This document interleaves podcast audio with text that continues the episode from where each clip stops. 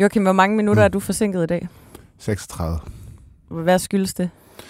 Et skyldes det, at jeg skulle tale med Christian Rabe. Han kunne kun tale klokken 10. Og så da jeg kører afsted, så er Langebro fucking oppe, og jeg har billeddokumentation. Ja.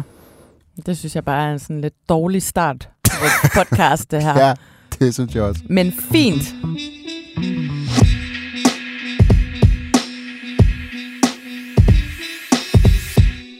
Hej og velkommen til Slottet og Summen, BT's politiske podcast. Vi skal vende regeringens charmeoffensiv. Lars Lykke, Jakob Ellemann og Mette Frederiksen turnerer i øjeblikket en række danske byer, hvor de indgår i en ærlig samtale med Anders Breinholt og publikum om fremtidens Danmark. Vi skal vende situationen på Pusher Street, Top Top Skat og selvfølgelig også seneste nyt fra det konservative kaos. Velkommen til Slottet og Summen. Her i studiet sammen med mig er Joachim B. Olsen, som kom for sent, og jeg hedder Anne Kirstine Kramon. Nå, regeringstoppen kører i øjeblikket rundt i sådan en stor grøn bus med nogle meget, meget photoshoppede billeder af, af dem selv på, hvor der står sammen om et bedre Danmark. Øh, de øh, turnerer land og rige rundt i de her dage. I går var de i øh, Ringsted. Du skulle faktisk have været øh, nede og, og se det, Joachim. Ja, det var fuldstændig, det var simpelthen en frygtelig dag. Øh, Først tog Var det lige brun deroppe? jamen, jeg, ja, den, nej, Og så skulle nej, der var en anden, der var en anden, der var en anden, der var en anden problem i går. Nå. Hedder det? Det var- først kom jeg ud til Et deres doorstep. Der kom ud til deres Ja. doorstep. Og jeg har et virkelig godt spørgsmål. At de holder sådan et doorstep i Ja. går eftermiddags ude i Nordvest foran erhvervsskolerne, mm. hvor de Mm. gerne de har indkaldt hele øh, verdenspressen fra hele Danmark for at tale om erhvervsskolerne. Og det var ikke helt det, pressen ville snakke om. Nej. Og jeg havde også et godt spørgsmål, men jeg synes selv, som jeg ikke lige vil sige, fordi jeg håber, jeg får en mulighed for at overraske med det senere. Men øh, i hvert fald, så, så kommer der en pressechef hen til mig og spørger lidt, ind til jeg vil spørge til. Og jeg siger det ikke, men jeg siger bare, jeg synes, jeg har, jeg synes, jeg har et rigtig godt spørgsmål med i dag. Og så bliver jeg ikke taget. Og jeg er 100% sikker på, at den pressechef har sagt til Lad mig være med at lad tage- med at tage ja. Joachim B. i dag. Ja, jamen det tænkte jeg faktisk også. Jeg sad og så pressemødet, og du, det er jo meget... Øh, altså, du Jeg bliver altid taget. Ja, ja, ja. Det er det første, der går galt. Ja. Så skal vi så følge med dem til Ringsted. Så er der sådan her, der er jo flere ulykker ude på Amager, altså bilulykker. Ja. Så der er jo fuldstændig kø, så vi er en time og kvarter om at komme ud til Avedøre. Og så kan vi ikke nå at komme til Ringsted, det kan vi se på GPS'en, vi kan ikke engang være der. Altså vi er der før, altså efter det er slut. Så Ja. må vi vende om. Total kaos. Og i her til morgen, der er broen så op. Ja. Jeg tror bare, jeg går hjem. Ved du hvad, jeg tror, det er sådan en curse omkring dig. Køs. Det er universet, der arbejder mod dig. Måske prøve at sige, sige noget til mig. Og det er, at du skal være lidt bedre, administrere din tid lidt bedre. Ej, men hold nu op, jeg ikke for de her ting. Nej, men Joachim, hvorfor tager øh, regeringen ud? Altså, det er jo meningen, at det er øh, almindelige danskere, der skal komme til de her øh, events. Det er ja, Ringsted i går, og det er Odense, og det er Aalborg, og det er alle mulige steder rundt mm. i Danmark. Hvorfor øh, afholder regeringen det her, det her roadshow? Grundlæggende, fordi det går helvede til for regeringen. Ikke? Altså, de er rigtig langt bagud i meningsmålingerne, og så er det jo et, øh, øh, det er jo et gammelt knep, øh, som man øh, politikere tager i brug, når det går dårligt, så er det lige, man skal ud og møde øh, mennesker i øjenhøjde. Det så man jo dengang DF var i problemer, Christian Tusinddal tog rundt. Øh, Jakob Ellemann har jo også sin egen solotur lige nu rundt i Venstres øh, bagland, og det går jo heller ikke godt i, i Venstre. Så det er sådan noget med, øh, når politikere, øh, de har jo den her formulering, når det går dårligt, Øh, vi har bare ikke været gode nok til at forklare vores politik. Ja, og så er der jo også noget i det der øh, med at, at kappe det der led, der hedder medierne. Det er jo det der med at få taletid øh, direkte til borgerne. Altså det er jo også, øh, det ser vi jo igen og igen, når øh, Mette Frederiksen og Lars Løkke bruger øh, Facebook og Instagram til at komme ud med deres budskaber. Altså det her, det er jo så øh, måden at, at, at sætte sig sådan direkte over for folk. Det jeg øh, bemærket fra dækningen øh, af det arrangement, der var i går, det var, at øh, altså, der var ligesom blevet meldt udsolgt. Øh, men at øh, der var altså rigtig, rigtig mange tomme pladser i salen alligevel. Så, og at det primært var, hvad skal man sige, det grå guld, man har lykkedes med at engagere. Ja. Øh, og at det også var præget af sådan en meget talkshow-agtig stemning, hvor de snakkede om, at øh, Lars Lykke, han kunne ikke lide, når, øh, når der blev øh, holdt tidlige morgenmøder, for han er ikke så skarp om morgenen, og omvendt så havde han, når øh, de stoppede aftenmøderne for tidligt, fordi der er han god om aftenen, og sådan, altså, øh, sådan lidt en, en, mere en sludder for en sladder, end, end måske øh, sådan en, en den der øh, reelle forklaring af deres politik. Ja, det er jo noget med, det er jo sådan noget branding, ikke? Altså, Ja. Jeg ved ikke, hvad man kalder det over i kommunikationsverden, men, øh, men det er jo noget, det handler vel om, at man skal prøve at få et eller andet sådan lidt mere personligt indtryk af dem, og så, og så håber man, at så kan de nok lide, og så kan det være, at de også stemmer Men det er også derfor, man vælger Anders Breinholt. Ja, præcis. Det er, og man ikke en vælger anden ikke et eller øh, øh, super skarp og tof øh, politisk øh, journalist, som kan, som kan gå til benet. Altså det, det er jo øh, meningen, der skal være sådan en natholdet-agtig stemning, må man, øh, ja. må man tænke, når det er ham, de vælger. Ja. Skal vi lige turnere den der, øh, fordi der er jo lidt, øh, efter finansloven øh, blev præsenteret, vi var kort ind på det i sidste uge i forhold til kommunerne og deres budgetter og deres nedskæringer. Mm. Der er jo en række øh, socialdemokratiske borgmestre, der har været ude og levere øh, noget af en, en kras kritik. Øh, øh, social, øh, den socialdemokratiske borgmester i Næstved Kommune, der hedder Carsten Rasmussen, han siger til TV2, det er svært for os at se statsministeren sige, at der er penge nok, mens vi nedlægger flekstrafik og sparer på rengøring hos de ældre. Vi kan ikke genkende billedet af, at der er penge nok. Lige nu tømmer vi bare kommunekasserne. Og Sønderborgs socialdemokratiske borgmester Erik Lauritsen siger til DR, i Sønderborg har vi inden for det sidste halvår gennemført kæmpe besparelser på ældre, børn og handicap, fordi vi simpelthen ikke kan finde pengene andre steder. Så jeg synes faktisk, det er tis på os. Mm. Øhm, DR har faktisk henvendt sig til alle 44 socialdemokratiske borgmestre i Danmark, og 13 af dem udtaler så øh, kritik af regeringen. Hvad betyder det her for regeringen? Jeg tror, at først og fremmest skal se det i lyset af, at kommunerne skal til at, at forhandle deres egen, blik deres egen budgetter, ikke? Øh, og, øh, og så skal de jo så til at spare, og så når man kommer hen til øh, det færdige budget, så er det temmelig sikkert ikke blevet så slemt, som det øh, borgmesterne siger nu. Så Ej, hvad er det der for en ringetone?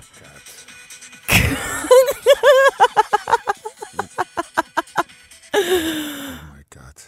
Ej, det er Og nu virkelig... ringer Okay. Morten Messerschmidt. Det, Ej, det er virkelig ikke din dag i dag, var. jeg tror bare, jeg går hjem. Ja. Ej, Nå. lige før jeg vil tilbyde at køre dig hjem. Oh my god. Fuck. Øh, nå, nej, så jeg tror, der er det her normale... Altså, det, det er et spil, der også Ja. foregår nu, øh, hvor man prøver at lægge noget pres på regeringen. Man må jo bare sige, at de her kommuner har jo indgået en aftale Ja. øh, med regeringen.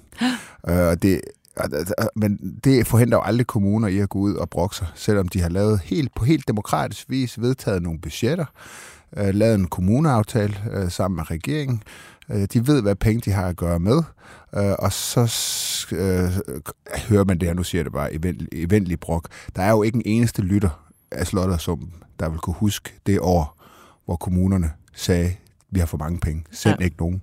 Ja. Vi har slet ingen problemer. Ja, ja. Det foregår, det foregår altid.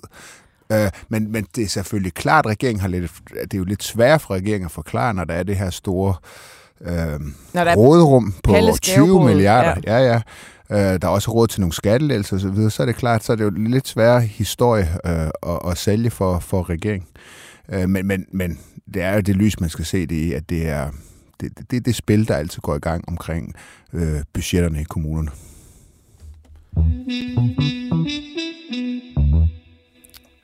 Lad os lige snakke lidt om øh, Pusher Street og hele situationen på Christiania. Øh, Peter Hummelgaard, vores øh, justitsminister, han øh, præsenterede onsdag en plan for Pusher Street og bandekriminaliteten på Christiania. Det kommer jo i kølvandet på øh, en konflikt mellem øh, Hells Angels og Loyal to Familia, øh, hvor en 30-årig mand, der er kendt i øh, rocker- og bandemiljøet, blev øh, skudt og dræbt i sidste uge, og øh, der var også fire andre, der blev såret herunder nogle turister. Det, man ligesom vil øh, sætte ind med fra regeringens side, det er massiv polititilstedeværelse øh, omkring Pusher Street, og så en skærpet strafzone, så det vil sige, at folk, der køber has i Pusher Street, straffes dobbelt så hårdt. Så det vil sige, bliver man anholdt med under 10 gram has, så får man en bøde på 4.000. Det er en dobbelt så hård straf som i dag, og anden gang man bliver taget, så kan det udløse øh, fængselsstraf. Du sidder og ryster på hovedet. Jeg synes, det er fuldstændig... Det er jo corona-agtige Det er tilstande. vanvittige straffe, det her. Ja. Ja. 4.000 kroner for at have en joint på sig. Ja, Fængsel anden gang. ja. Og man må heller ikke brænde øh, religiøse tekster af mere. Nej, hvad må man overhovedet i sin Det er, fritid, pol- det, er pol- det er politik fra midten, det her. Du er nødt til at finde på noget andet at lave. Jeg ved ikke, hvad jeg skal lave med. du, kan hverken ryge has eller brænde koraner. Hvad fanden skal man så give sig til helt? Jeg plejer gøre det samtidig. Jo. Ja, præcis. Du ruller joints af koranen. de er Øhm, lige, det, de er, det er nålestik, det her. Lige ned i, i min yndlingsaktivitet. Ja, præcis. Igen, universet er imod Joachim B. Olsen. øhm, så vil man lave øh, Pusher Street sådan fysisk om, så handel ikke, øh, handel ikke naturligt vender tilbage. Øh, de vil lave, øh, de nævnte, eller Hummelgaard nævnte selv på pressemødet, man vil lave øh, butikker og almene boliger. Øhm, og så vil regeringen næste uge præsentere en bandepakke, som skal øh, sætte ind over for økonomisk og grænseoverskridende kriminalitet. Og øh, det er jo alt sammen meget godt. Som person, der bor på Nørrebro, så ved jeg jo godt, hvad der kommer til at, ske nu. Det bliver så uden for min gadedør, der skal til at øh, handles has. Altså det er sådan... Der, der er meget sådan, hvad skal man sige... Kan du ikke bruge de brune bud med? Nej, det, det er da bare nemt, så skal jeg bare ned på. Så behøver du ikke komme og aflevere has til mig. og så er du alt for forsinket, fordi broen er op, og jeg bliver pisse sur, for jeg sidder bare der og venter på mit has. Ej, øhm, men, men det, og det er jo typisk, det er jo sket en del gange det her efterhånden. Så lukker man Pusher Street, og så bliver der bare pisse meget ballade i alle mulige andre områder, øh, blandt andet øh, Nørrebro, øh, hvor jeg bor. Ja. Øhm, det er jo affødt en lille smule ballade i Moderaterne, især det, det her. Sige. Det må man sige. Nana Godfredsen, som, øh, som du havde inde i, i sidste uge, hun siger, at øh, det her det kommer ikke til at virke. Øh, kriminaliteten kommer bare til at brede sig til andre steder, ligesom jeg sidder og siger. Mm. Og, øh, og det affødte et lidt øh, interessant tweet fra Monika ja, Rubin, synes jeg, øh, hendes partikollega, der skriver, Folk, der ikke er afhængige af euforiserende stoffer, bør lade være med at købe og bruge dem, både for deres egen skyld og for samfundets skyld. Find på noget andet. Man kan måske endda kalde det for at udvise øh, samfundssind og lade være. Ja, det er du sidder og ryster på hovedet. men det, det, det er jo så virkelighedsfjernt. Altså hold nu op, det er jo sådan noget det er sådan, håb er nu den strategi nu. Ja. Er, at folk holder op. Altså, det kommer jo ikke til at ske. Øhm, der, der er ikke noget øh, erfaringer fra nogen lande fra, af, at man slår meget hårdt ned på det her, så forsvinder det her milliard store marked. Det kommer ikke til at ske. Der, det kommer til at flytte andre steder hen. Og så er der jo bare det her totalt komiske at det her parti, Moderaterne, har gået til valg på afkriminalisering, altså at man ikke skal straffe brugerne. Og nu straffer man så brugerne endnu mere end øh, tidligere. Og så siger de så, det sagde Lykke også i går, han siger ligesom, at det, det, er jo det er en vanvittig logik i, i, i min optik. Øh, vi har jo den lovgivning, vi har, så kan vi jo godt stramme den. Altså, det svarer jo til, at dengang jeg havde været skatteord for, for LA, jeg har sagt, ja, vi vil gerne, egentlig gerne af med topskatten, men nu har vi den jo, så kan vi godt sætte den op med 5%. Ja. Altså, det, det, er jo fuldst, det er jo helt håbløst. Ja. Og hende, øh, Nana der, som jeg har en enorm stor sympati for, jeg arbejder, Nana Godfredsen. Nana Godfredsen, ja. jeg arbejder meget sammen med en, der selv sad i Folketinget. Øh, og øh, altså, det er simpelthen bare et eksempel på sådan en idealist, der kommer i Folketinget. Virkelig en, der kommer øh, med erfaring og er hentet ind på grund af sin erfaring, og nu skal hun så stå der og lægge ryg til politik, der går i den stik modsatte retning, end det hun ønskede, og også det hun har en rimelig forventning om, der, der skulle føres, fordi hun havde ligesom Lykkes opbakning, hun har skrevet kronik med Lykke om det her. Øh, Moderaterne, de skulle gøre tingene på anderledes måder. Det var politik på en ny måde, og det her, det foregået præcis, som det altid gør. Øh, der er kommet noget ind fra højre, nemlig de her øh, problemer ude på Christiania. Så har man hals og hoved øh, fundet på noget ny lovgivning hen over hovedet på folketingsgrupper og alt muligt andet. Lars Løkke, han har ikke gjort det her anderledes, mm. øh, end han har gjort de, de mange årtier, han har været i politik. Han gør ikke ting på en anderledes måde, end han altid har gjort det. Så det er et stort spil øh, øh, fra galleriet. Jeg kan godt forstå, at hun er sur. Hun, der var jo det, hun tog over til det her presmøde, øh, Justitsministeriet, øh, som Peter Hummelgaard holdt. Hun kunne ikke komme ind i gården, fordi man skal have en aftale for at komme ind i gården, så hun stod ligesom udenfor og, og kaldte journalister hen til sig. Mm. Og hun sagde også noget, jeg er jo det 90. mandat. Jeg er jo det 90. mandat. Vil I ja. tale med mig? Ja. ja. Og det er jo sådan lidt, det, det ved jeg ikke Ja, ja, hun er øh, altså, det, det kræver hun også... Hun er sur, øh, ja. hun er vred. Ja. Jeg forstår hende godt. Jeg siger ikke, at hun går, det tror jeg faktisk Nej. ikke, hun gør, men hun var bare meget, meget vred. Det var hun, og jeg forstår hende virkelig godt. Altså, ja, ja, men... Og hvad end man synes om det her, så må man have sympati for en politiker, som bliver hentet ind af Lars Lykke på grund af hendes specialviden på det her område. Han køber ind på politikken, den bliver adopteret af, af, af moderaterne, og så indgår han i en regering, og så fører man den stik modsatte politik. Men hvorfor er det, man ikke bare legaliserer det her has? Jamen altså, selvfølgelig er det jo heller ikke bare nemt, hvad for en model skal man bruge? Der, der kan være masser af problemer, og jeg tror jo personligt, at den model, de fleste taler om, at det er staten, der skal overtage det, det tror jeg ikke kommer til at virke, mm. øh, fordi jeg tror, så bliver det så dyrt, at der stadig vil være et øh, marked for, øh, for kriminelle. Ja, ja. Det, vil, det vil være så meget billigere, så vil folk nok stadig købe det, ikke? Øh, så man skal lave noget andet. Man kan kigge på nogle af de erfaringer, der er i USA, øh, og så videre, så videre. Men, men, men når man ikke gør det helt grundlæggende, når man ikke engang gider gå ned ad den sti og diskutere seriøst, hvad for nogle modeller man så skal have, så handler det jo simpelthen om, at øh, øh, som det jo så ofte gør i politik, at de store partier, Venstre og Socialdemokratiet, ligesom har identificeret, at de vælger, som de kan hente over midten, øh, de er modstandere af, at øh, man afkriminaliserer eller legalisere det. Men, men, øh, jeg tror faktisk, i befolkningen, ikke... der har været målinger, der viser, at der i befolkningen er, øh, jeg tror faktisk et flertal. Men regeringen er jo ikke bange for i andre situationer at træffe upopulære beslutninger. Nej, men det, og det er noget af det sjove her, fordi man havde den her regering, der netop skulle gøre det. Og det her, det var en af de her områder, hvor man kan sige, at blokkene virkelig blokerede for hinanden, for man kunne lave en ny politik. Øh, men det gør de altså så på en eller anden måde stadigvæk, eller blokkene gør ikke, men, men så har de de samme positioner, fordi det er det samme hensyn, de tager til den der medianvælger, som man er så bange for at, at miste. Ikke? Ja. Nu var vi lige inde på, du sagde selv det der eksempel med topskat og øh, sætte det ned. Skal vi ikke også lige turnere hurtigt øh, top-top-skatten? Jo. Som jo også er blevet et øh, bastard, som øh, ingen rigtig vil kendes ved. Venstre siger, at det er en skovsnegl, der skal ædes. Socialdemokratiet siger meget eksplicit, at det ikke er deres idé. Mm.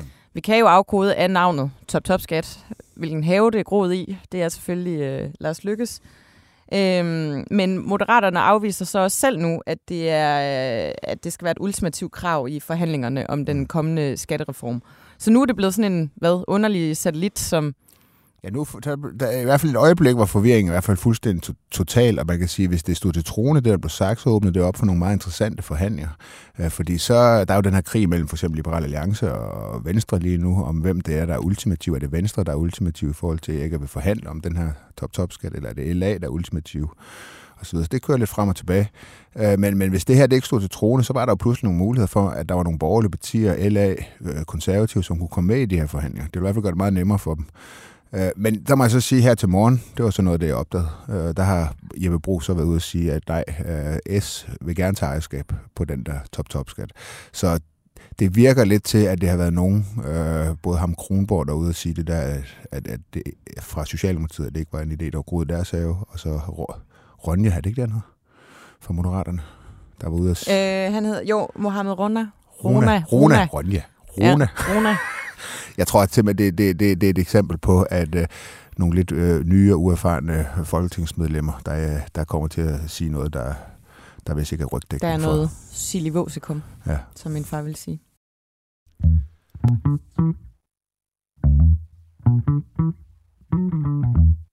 Jeg er jo lige nødt til også at turnere øh, situationen i konservativ. Ja. Da vi forlod hinanden øh, sidst i fredags, der skulle der være hovedbestyrelsesmøde fredag aften i øh, konservative, og det var vi øh, lidt spændte på. Og udfaldet af det møde, det blev, at øh, hovedbestyrelsen bakkede op om Søren Pape. Der er kilder, der har fortalt øh, Ekstrabladet, at han fremstod øh, pjusket og nervøs på mødet, øh, og var meget håndelig over for de medlemmer, der har øh, forladt partiet. Altså, som jeg tolker det, ikke en formand, der er i overskud i hvert fald. Øhm, mødet, hovedbestyrelsesmødet blev flyttet ret sent på dagen fra Christiansborg og ud til danske rædderier. Og, øh, og det fik øh, Ekstrabladet i hvert fald øh, opsnappet. Og de kunne så også i løbet af ugen øh, afsløre, at Søren Vandsø, som øh, partisekretæren hedder, øh, havde sendt en mail rundt til hovedbestyrelsen dagen efter, hvor han ligesom øh, gav en opsang over, at, øh, at lokationen for det her møde var blevet lækket. Øh, og det synes jeg siger noget. Altså det der med, at, at man har et, et hovedbestyrelsesmøde, hvor man netop skal tale om formandens øh, position, og hvorvidt han skal blive der, at man går ud og siger, at der er fuld opbakning til Søren Pape, samtidig med, at nogle af dem, der sidder i hovedbestyrelsen, sidder og lægger til ekstrabladet, hvor mødet bliver holdt, og hvad der ligesom foregår, at han, hvordan han fremstår, og han er forpjusket og, og nervøs. Øh, Ekstrabladet har også talt med medlemmer af hovedbestyrelsen, der undrer sig over, hvorfor det skal være hemmeligt, hvor øh, mødet holdes, og, og, og tolker det som sådan en bekræftelse af, at øh, konservative har problemer med pressen, og at de er ligesom bange for, at der er nogen, der siger noget uautoriseret. Og det er jo så også det, der sker. Mm. Øhm, og så er der hele den her Pernille Weiss-sag, hvor Berlinske i løbet af ugen har lavet en ret, øh, hvad skal man sige, gennemgående dækning af det. De har øh, talt med nogle eksperter, der undrer sig over, hvordan øh, konservative har undersøgt hele den her Pernille Weiss-sag. Det her med, at man har lavet en intern undersøgelse, og man ikke har lagt det ud til nogle eksterne. Det er jo noget, der også er blevet diskuteret rigtig meget i forhold til MeToo. Hvor meget gælder en intern undersøgelse, og er det ikke bedre at lægge det ud til for eksempel et advokatfirma, hvor der kommer nogen, der måske er lidt mere objektiv omkring sagen. Men øh, det, det gør der, det jo for eksempel med Nasser Carter. Jamen præcis, lige præcis. Og det der jo får øh, den her Pernille Weiss til, til at rulle, det er, at Søren Vandsø, øh, partisekretæren og næstformand Henrik Weiglin, tager til Bruxelles og så interviewer øh, seks tidligere medarbejdere. Og det er ligesom det, der er, hvad skal man sige, undersøgelsen.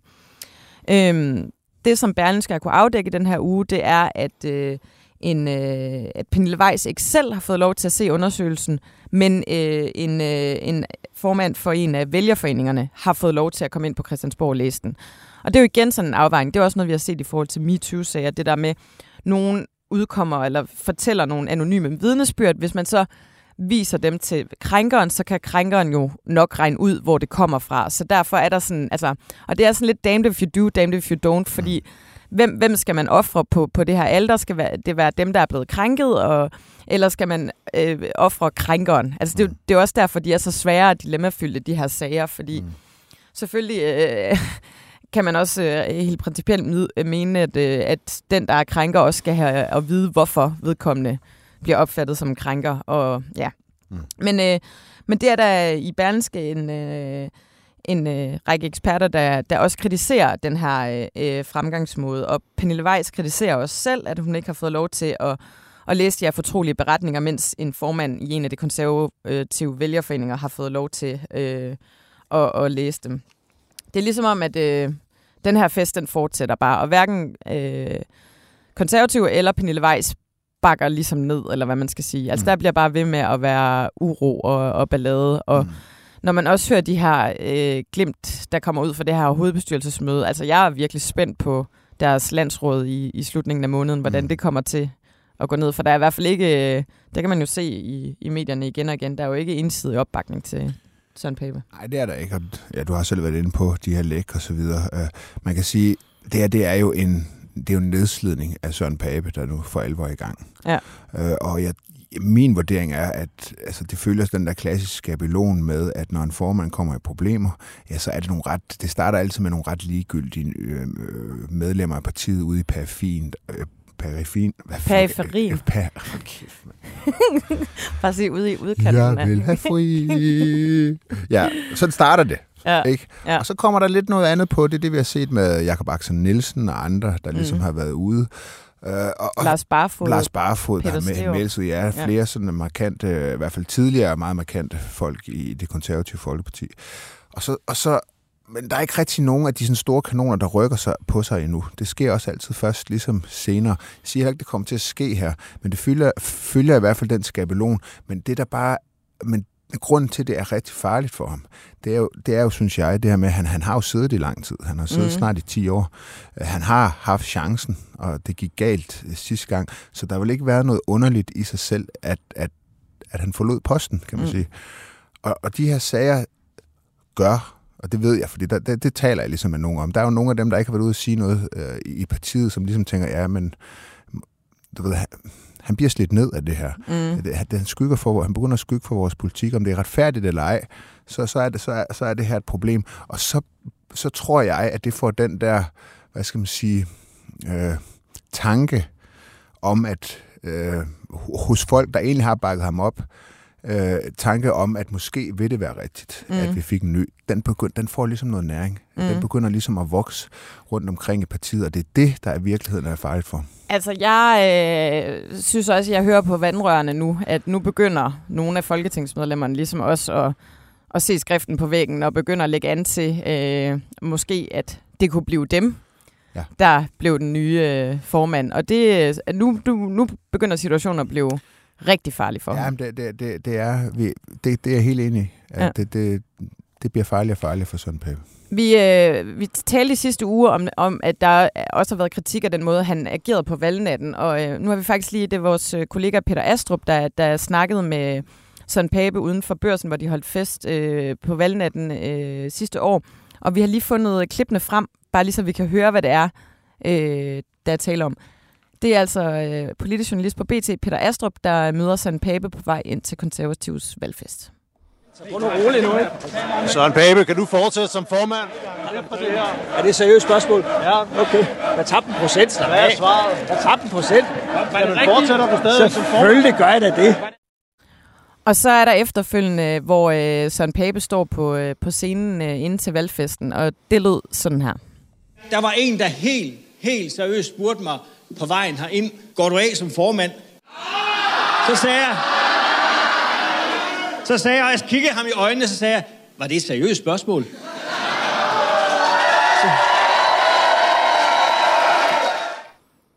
Men altså, situationen er ikke særlig god. Mit gæt er, at øh, Mette Appelgaard og Rasmus Jarlov, de øh, i hvert fald er i gang med at se, hvad, hvordan de kunne selv indtræde på den der post. Ja, altså, det, det, det, det, ja, det ved jeg faktisk ikke, om det er lige de to. Øh, men, men jeg tror... Der er også nogen, der taler om Mona Jul. Hun er også lige pludselig Mona Jul, Mona, dukket op som Mona et hot Jul, topic. Præcis, hun ja. bliver også nævnt. Øh, og hun har også et eller andet... Øh, hun har faktisk noget sådan Søren Pape-agtigt, da det gik godt, meget positivt. Hun sådan kommer ud fra...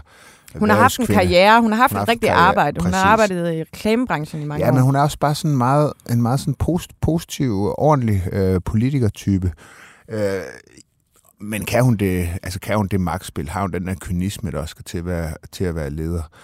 Øh, det, det, det er i hvert fald ikke det, det image, hun har, det billede, hun fremviser. Men det kan godt være, at, at, at hun har det. Hun er ret uerfaren. Og så Benedikte Kær er jo så også øh, nævnt.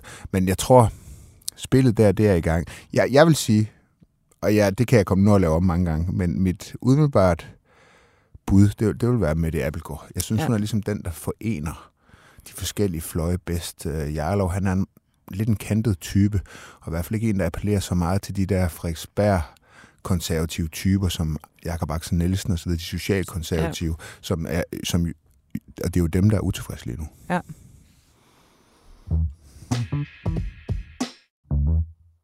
Nå, ugens sumtrol. Jamen, der vil jeg godt... Øh, det, det er lidt speciel nominering fra min side. Ja. Fordi er det mig? Æh, nej, Nå. det er det ikke. Du har... har jeg er jo Jeg perfekt. har aldrig nogen grund til at gøre dig til subtrold. Come on. Uh, og, og det her, det er også en, jeg så rigtig, rigtig godt kan lide. Og det er en ægte fighter. Og, og det er ikke for... Man kan sige, man bliver jo lidt en taber, når man er sumtrold. Så har man tabt, ikke? Men, men det er ikke en, der har tabt personligt. Uh, det er en, der har tabt politisk. Og det er sådan, den er godt fristen, som jeg har valgt.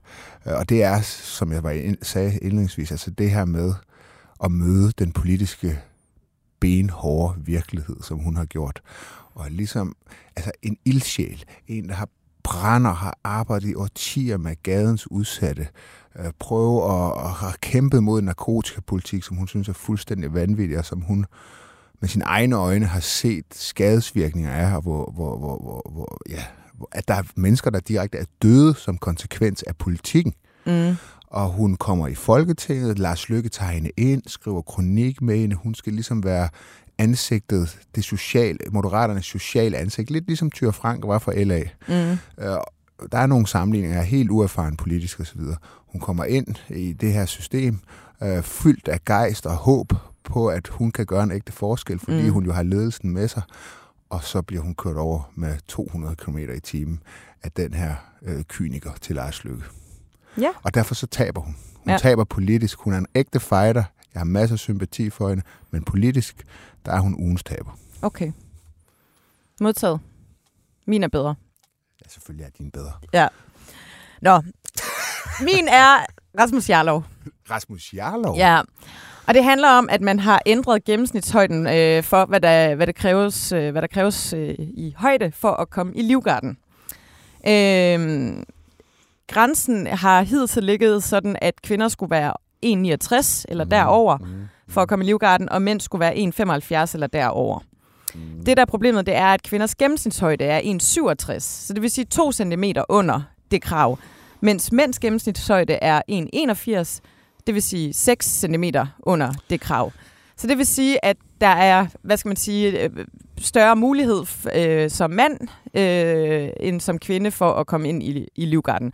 Samtidig med, at der er jo, det ved vi jo fra forsvaret helt generelt, at der har været alle mulige former for, for barriere for, at øh, kvinder kunne øh, holde ud at være der. Og det har jo haft alt, alt i forhold til en meget, meget grov tone, men også sådan noget med for eksempel øh, indkøb af sportsbehover og øh, øh, skudsikre veste, som øh, man selv har måttet stå og klippe i, for at ens bryster kunne være der, fordi man har simpelthen ikke lige købt ind, sådan at øh, der også var til kvinder.